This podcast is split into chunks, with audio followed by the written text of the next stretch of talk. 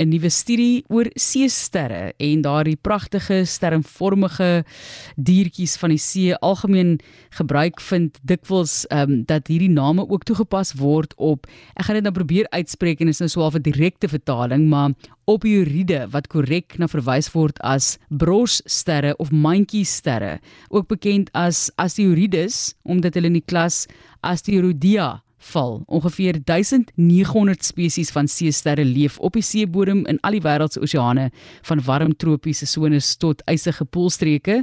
Hulle word gevind van die tussengetysone af tot by gronddieptes op 6000 meter onder die oppervlak. Maar ons gas gaan vir ons daarmee help of ons meer vertel van hierdie interessante diere van die oseaan en marinebioloog by die Twee Oseane Aquarium sluit Chris Loos. Baie welkom Chris.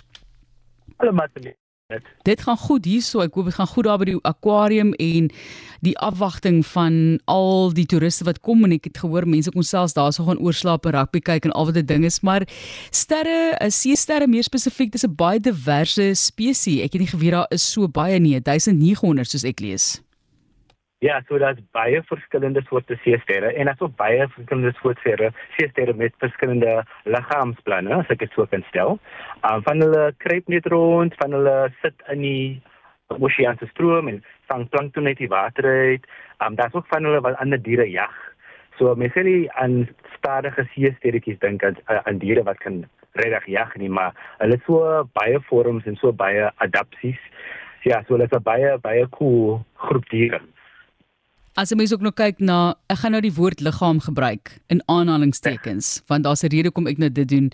Uh die meeste kan beskadigde dele verlore arms regenereer en hulle kan wapens afwerp as middel van verdediging en hulle beklee verskeie belangrike ekologiese rolle ook en kan as aseksueel en seksueel byvoorbeeld voortplant in daai lewensiklusse. Maar kom ons praat oor hierdie jongste studie wat gedoen is. Ons het altyd gedink hulle het arms, blykbaar is dit toe nou nie arms nie. Baie wat ons geweet het van seesterre is toe nou verkeerd, Krish. Yes, so die seesterre self. Gewoonlik as jy nou kyk, het hulle gewoonlik vyf arms en op die einde van elke arm is daar 'n oogie en hoe nader die seester aan 'n voorbeeld kom, um as dit meer in fokus en hoe verder weg is, kan jy nie regtig sien nie. Maar wat baie cool was in hierdie studie, ek dink wat in Natuur gepubliseer, is die feit dat gewoonlik as 'n mens dink aan hoe mense gevorm word in jou baarmoeder, as jy gebrei word in jou baarmoeder, is daar sekere um, gene wat veroorsaak dat of wat veel gene sê dat dit dat wat jou selle sê, dit is al die selletjies wat op kop sal maak, dit is die selletjies wat op torso sal maak, dit is die selletjies wat jou onderliggaam sal maak. Maar in seestere, soos hulle vir hulle gekyk het terwyl hulle um, groei van klein seesterretjies na groot seestere, en hulle na die geneties gekyk het of die genetika die genetika gekyk het en hulle gesien het dat net die die die, die, genetika as daar wat net die kop vorm.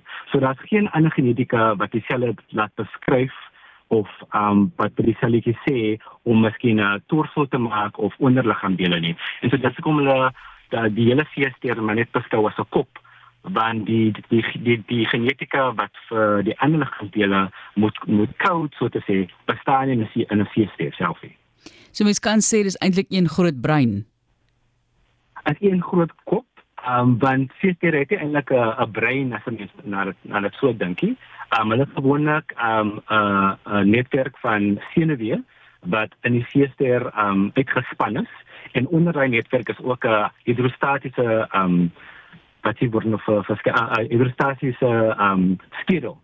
Ehm um, so hulle is baie ehm um, rudimentary. So hulle het eintlik 'n brein self nie, maar die seester kan in enige direksie um, beweeg. Hulle kan jag soos ek gesê het. Hulle kan ehm um, wegvlug van ehm um, van hulle predators af. So uh, ja, hulle is baie cool diere. Ons weet dan nou al so baie van die diere van die wêreld nie. Jy sal dink hierdie eenvoudige dier, ek sit nou eenvoudig ook in aanhalingstekens want diere is kompleks, maar die seester sal al beter bestudeer gewees het in die in die geskiedenis want hulle dit was vir hulle onmoontlik om te sien hoe hierdie vyf afdelings waarin hulle liggame weer eens in aanhalingstekens want dit is eintlik net 'n kop mm -hmm. verdeel was om te sien hoe daai stukke verband hou met die res van hulle liggaam en van ander diere. Hoekom was dit tot nou toe nog so moeilik om dit vas te stel?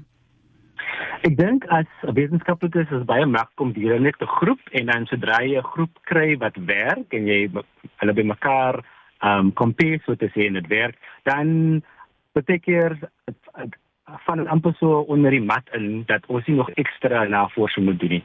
Ook die probleem is met hierdie diegene wat hulle gekry het, was dit baie swaar om om hierdie gene te um te isoleer. Ek bedoel dat in ek ek dink hulle het in vrugtevlee begin en toe na meise begin en toe hulle dieselfde um geen areas moet hulle toe ook ontdek vir seestere voor hulle dit reg kon um bestudeer. So in baie diere soos 'n tegnologie makliker word en meer beskikbaar word, sal daar meer en meer um navorsing sal voorkom en meer antwoorde sal gekry word want meer inligting en meer um tegnologie is meer toeganklik. En ek dink net omdat hierdie metode nou meer toeganklik was, kon hulle nou dit op seestede um toegepas het.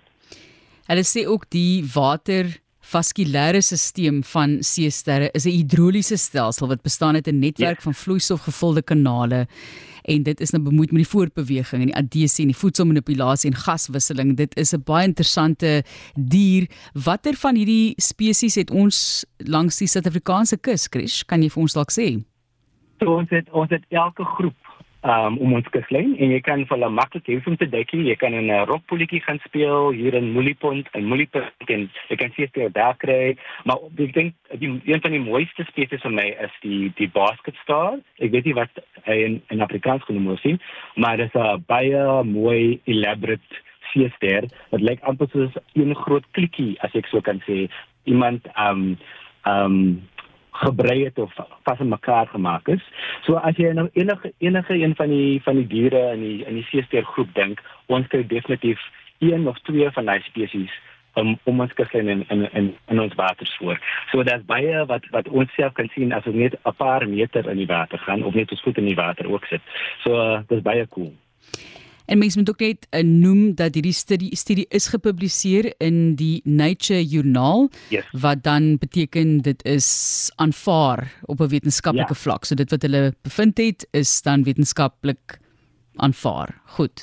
Ja, definitief. Ek wil dit dan net byvoeg. 'n publikasie ook. Sê gou weer. 'n baie gesogte publikasie ook. Natuurlik, ja. Net vinnig, hoe moet ons die seesterre behandel asseblief? Kyk, ons almal was kinders en hulle is so mooi en oulik en jy wil vir hulle huis toe vat en hulle uitdroog. Die arme diere. hoe moet ons maak ja. hier met die see met die see vakansie, die kus vakansies wat vir baie mense voorlê? So seesterre was nie baie uit nie, maar as ons hulle kry in seepoeltjies, is glad nie probleme hulle daar voorkom nie. Hulle het baie spesifieke adaptasies wat hulle laat in baie stouterige water of warm water, baie warmrager water laat bly vir 'n paar uur, so vir die dag. En as jy as jy as jy gety terugkom in die aand dan dan gee hulle weer hulle vaskoel water. So dis nie 'n probleem dat ons hulle moet rescue uit die poeltjie in diep see in nie. Ehm um, maar gewoonlik is hulle hulle is baie harde diere en hulle sal ook uitvind as jy hulle aan hulle raak, hulle kan hulle hidrostatiese um, skedel kan hulle hard maak.